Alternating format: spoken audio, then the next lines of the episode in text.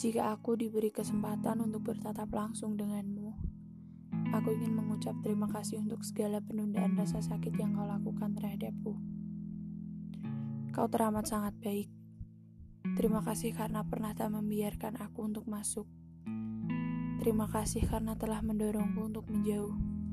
Terima kasih juga karena telah meracuni segala perasaan yang hendak tumbuh dalam hatiku.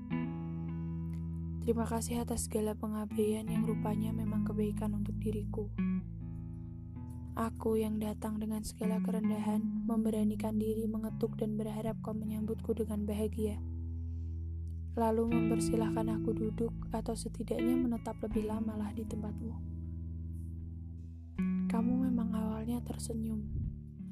Namun seketika kau melangkah mundur, memperhatikan seluruhku dari ujung ke ujung, hingga kau berkata bahwa bukan aku yang kau tunggu, bukan sosok sepertiku yang kamu mau, bukan diriku yang ingin kau temu.